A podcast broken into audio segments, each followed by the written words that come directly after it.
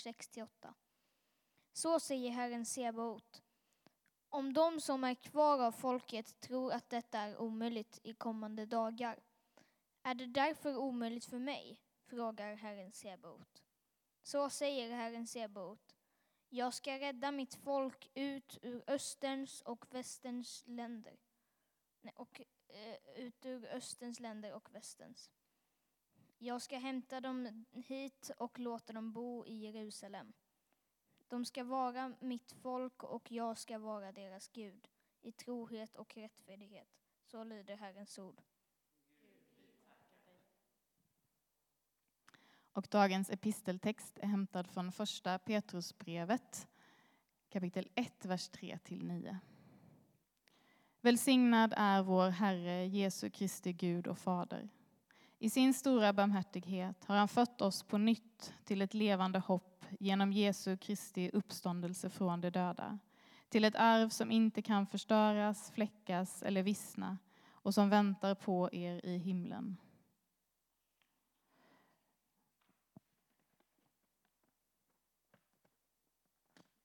Ty Guds makt beskyddar er genom tron fram till den frälsning som finns beredd att uppenbaras i den sista tiden. Därför kan ni jubla, även om ni just nu en kort tid skulle få utstå prövningar av olika slag för att det som är äkta i er tro, och detta är långt dyrbarare än det förgängliga guldet, som dock måste prövas i eld, ska ge pris, härlighet och ära när Jesus Kristus uppenbaras. Ni har inte sett honom, men älskar honom ändå. Ni ser honom ännu inte, men tror på honom och kan jubla i outsäglig himmelsk glädje, då ni nu står nära målet för er tro, era själars räddning. Så lyder Herrens ord. Gud, vi tackar dig.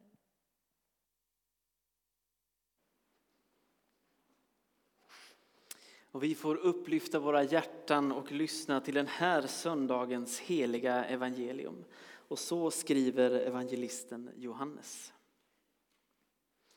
En av de tolv, Thomas, som kallades Tvillingen, hade inte varit med när Jesus kom. De andra lärjungarna sade nu till honom, vi har sett Herren. Men han sade, om jag inte får se spikhålen i hans händer och sticka fingret i spikhålen och sticka handen i hans sida, tror jag det inte. En vecka senare var lärjungarna samlade igen och Thomas var med. Då kom Jesus, trots att dörrarna var reglade, och stod mitt ibland dem och sade frid åt er alla. Därefter sade han till Thomas, räck hit ditt finger, här är mina händer. Räck ut din hand och stick den i min sida, tvivla inte utan tro. Då svarade Thomas, min Herre och min Gud. Jesus sade till honom, du tror därför att du har sett mig. Saliga de som inte har sett men ändå tror. Också många tecken som inte har tagits med i denna bok gjorde Jesus i sina lärjungars åsyn. Men dessa har upptecknats för att ni skall tro att Jesus är Messias, Guds son och för att ni genom att tro skall ha liv i hans namn. Så lyder det heliga evangeliet. Lovad vare du, Kristus.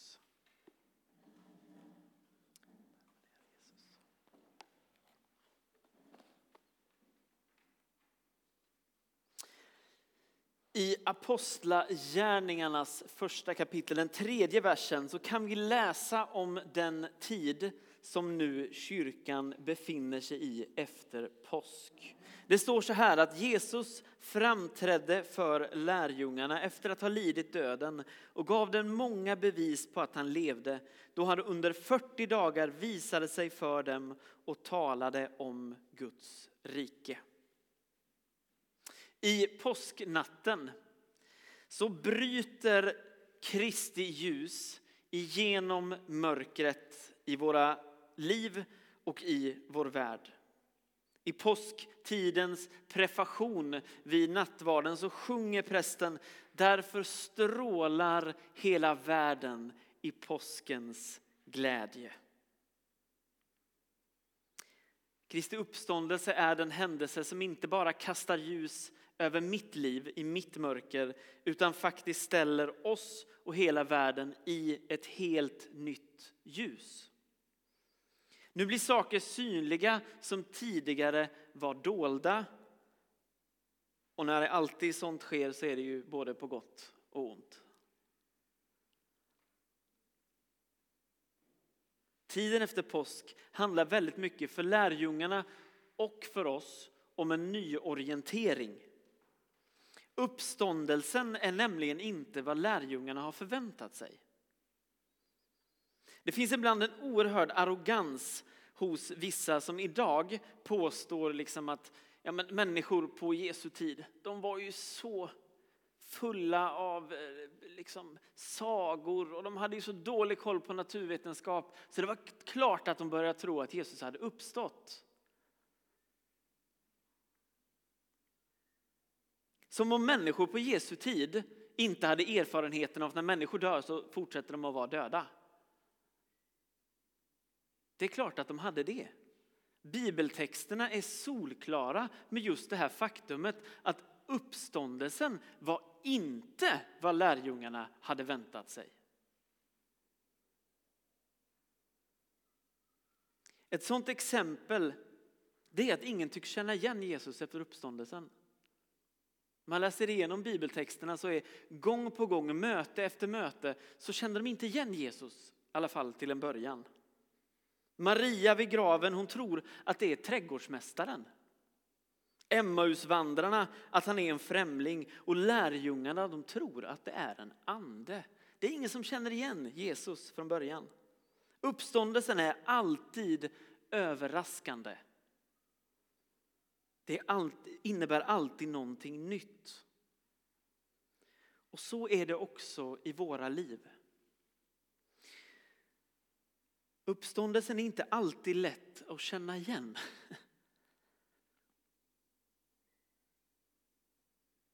Och ofta därför att den inte ser ut som, att, som vi har förväntat oss.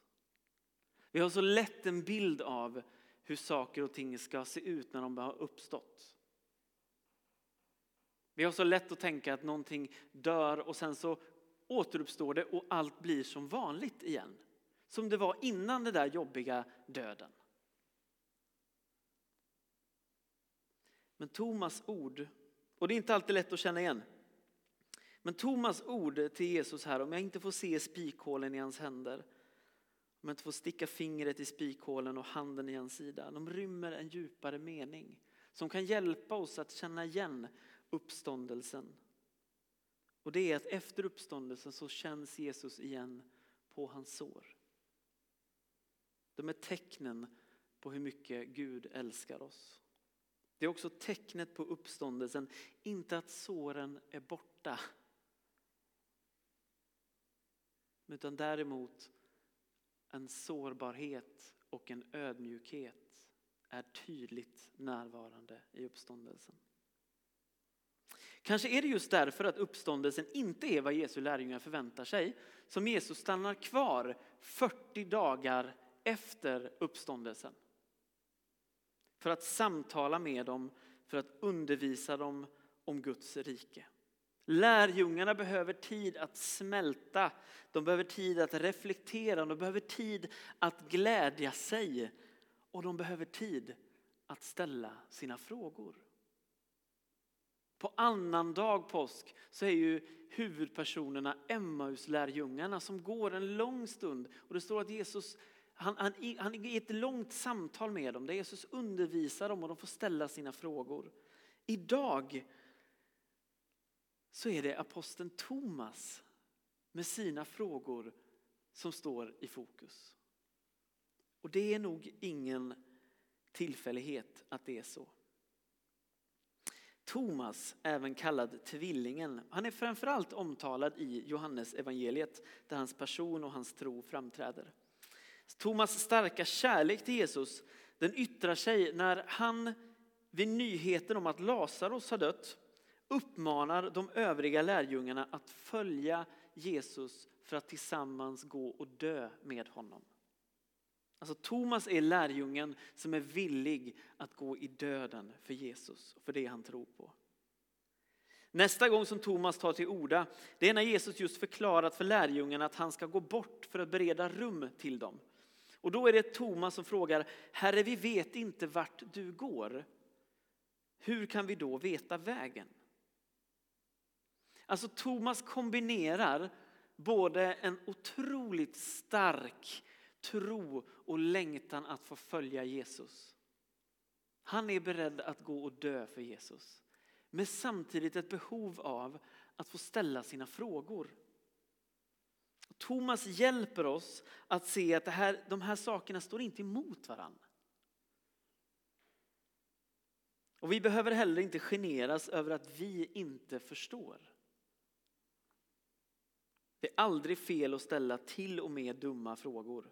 Ibland brukar man säga att det finns inga dumma frågor. Det gör det visst. Alltså det finns dumma frågor. Men det är, låt oss vara ärliga med det istället. Och sen säga att det är okej att ställa dem, även om de är dumma. Thomas lär oss att också be, Herre, jag förstår inte vad du menar.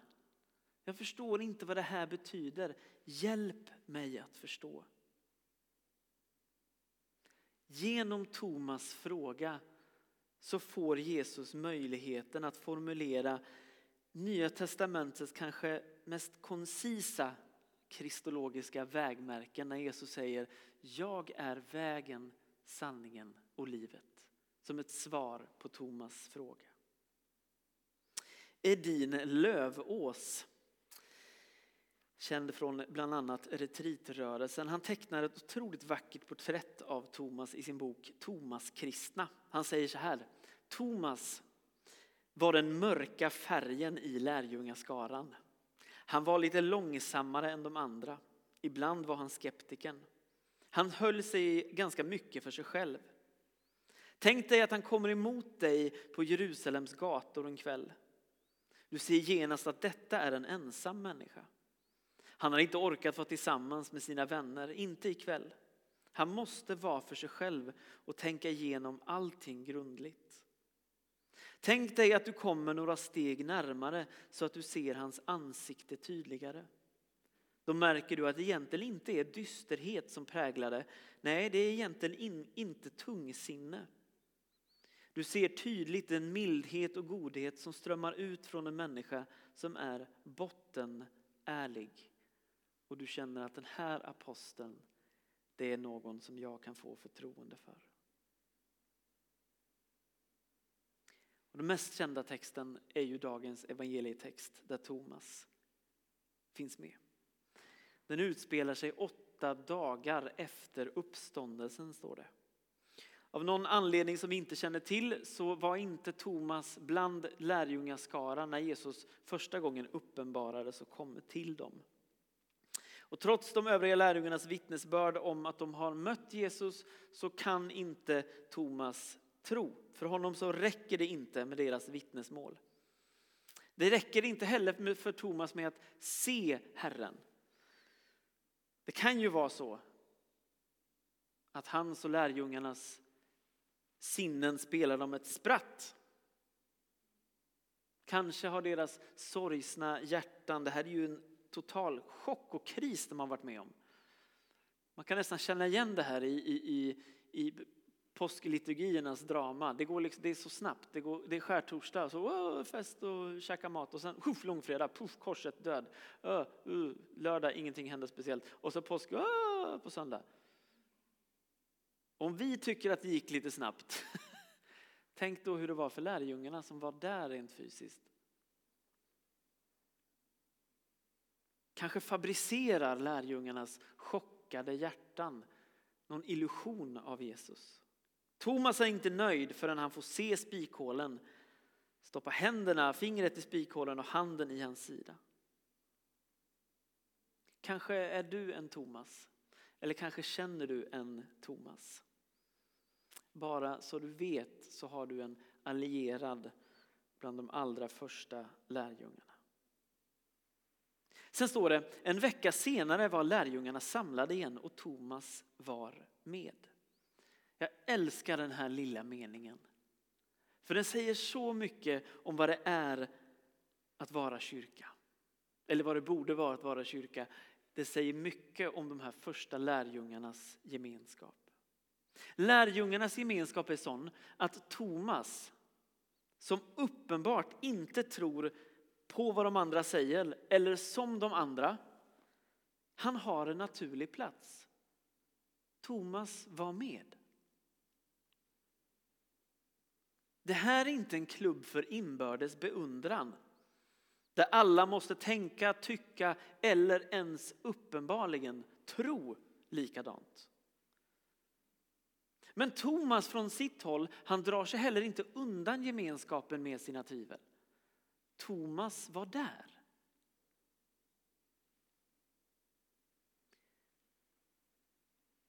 Här märker vi också skillnaden på tvivel och otro. Tvivlet vill tro, men kan av någon anledning inte göra det.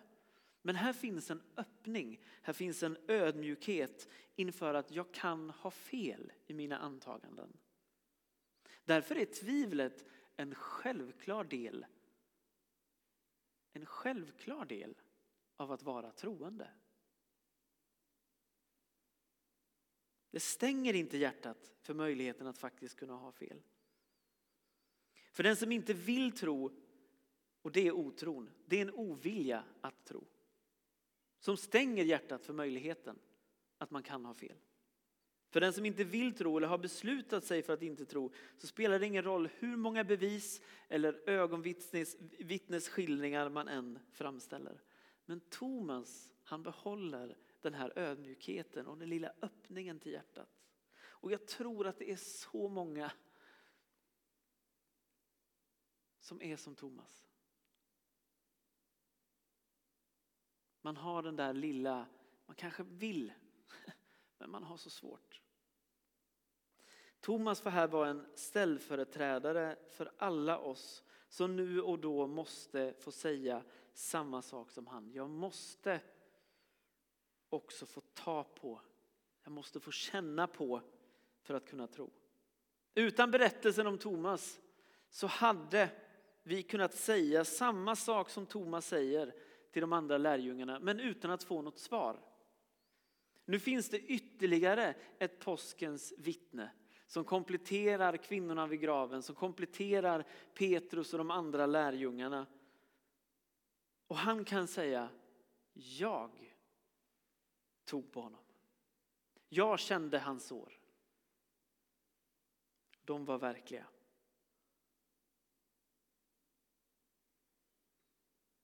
En tid som handlar så mycket om yta, fasad, inte sällan också inom kyrkan, så behöver vi Thomas.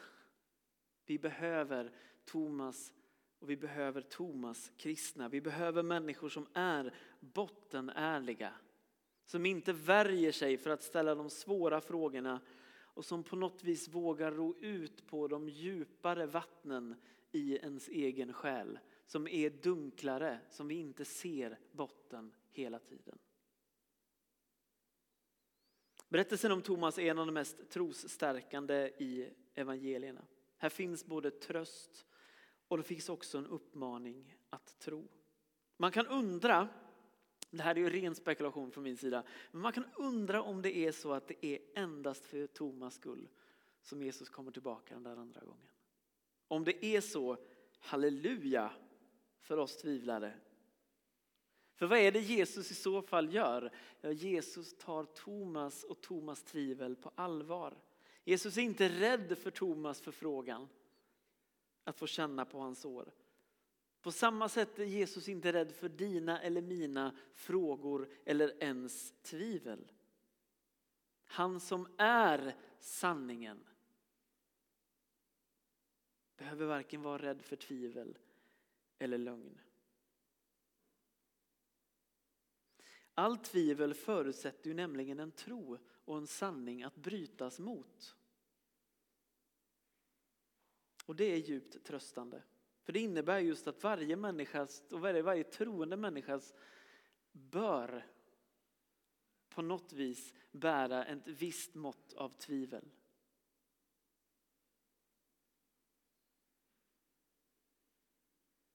Samtidigt så stannar inte Jesus där. Tvivlet är någonstans inte idealet. Utan Jesus besvarar Thomas bekännelse, min Herre och min Gud, genom att framhålla att verklig glädje och visshet i den kristnes liv inte är beroende av tecken. Saliga de som inte har sett men ändå tror. Idag är det också, och allt är ju ibland dikeskörningar och så försöka hitta vägen däremellan. I vissa sammanhang talas det väldigt mycket om tvivel idag. Ofta är det en reaktion på att man funnits i sammanhang, inte alltid, men att man funnits i sammanhang som har varit alldeles för instängda. Där man inte haft möjligheten att ställa de frågorna och där allt tal om tvivel liksom tystas ner. Nej, nej, nej, nej, nej, här är vi glada och bara hoppar runt. När Jesus visar sig för Thomas och låter honom sticka fingret i spikhålen så utbrister som sagt Thomas, min Herre och min Gud. Men Jesus säger till Thomas, tvivla inte utan tro. Den här berättelsen tröstar oss i vår osäkerhet. Men den utmanar oss också. Tvivla inte utan tro. Därför att den visar hur varje tvivel kan bli födelseplats för en ny och djupare visshet. Thomas uttrycker min Herre och min Gud och hans fortsatta livsberättelse som inte finns nedtecknad i Bibeln. Han nämns bara på ett ställe i Apostlagärningarna efter denna händelse bevisar ändå att det verkar vara så. Enligt en mycket tidig tradition så förde Thomas evangeliet via Syrien och Armenien till Indien. Och där betraktar idag den malabari, malabariska kyrkan honom som sin grundare. Förlåt alla medlemmar i den malabariska kyrkan. Helt strulat till ett namn. Den äldsta indiska kyrkan kallas också just för Thomaskyrkan. Och enligt traditionen så blev också Thomas martyr i Indien. Thomas livsberättelse den visar på någonting av vad sann mognad är. Att i kärlek hålla fast vid Jesus, även att tron inte bekräftas av det vi ser och hör. Och därför så är också Thomas en vägledare för oss in i påsktiden. Mitt i all glädje så inbjuds vi nu att gå tillsammans med Jesus och ställa våra frågor. Alltså vad var det som hände? Vad innebär din uppståndelse för mitt liv? Kan jag verkligen tro på det här? Och vad betyder det att tro på det här? Vad betyder det på måndag, tisdag, onsdag, torsdag, alla dagar i veckan? Att Kristus är uppstånden? Vad spelar det för roll? Eller kan man bara fråga Jesus, hur var det i dödsriket? Hur var publiken när du predikade där? Jag tror också att det finns en speciell inbjudan till vår gemenskap. Låt oss ta den här påsktiden och vara glada över uppståndelsen. Och vara glada över var vi befinner oss. Men låt oss också samtala med Jesus om det som känns ovant, om det som känns nytt eller det som känns konstigt. Och låt oss komma ihåg att sann uppståndelse inte innebär att såren är borta. Tvärtom så är det såren, sårbarheten och ödmjukheten som är tecknet på uppståndelsen. Låt oss vara varsamma om det. Låt oss vara varsamma om sårbarheten och ödmjukheten. Låt oss vara stolta över vår sårbarhet och vår ödmjukhet. Och låt oss inte vara rädda för att som Jesus säga, här är de. Så här ser de ut här. Varken nu eller i framtiden. Ära vare Fadern och Sonen och den helige Ande. Nu och alltid och i evigheters evighet. Amen. Halleluja. Låt oss tillsammans stå upp och bekänna kyrkans tro. Vi tror på Gud Fader allsmäktig, himmelens och jordens skapare. Vi tror och på Jesus Kristus, hans enfödde son, vår Herre, vilken är avlad av den helige Ande, född av jungfru Maria, pinad under Pontius Pilatus, korsfäst, död och begraven, nederstigen till dödsriket, på tredje dagen uppstånden igen ifrån de döda, uppstigen till himmelen, sittande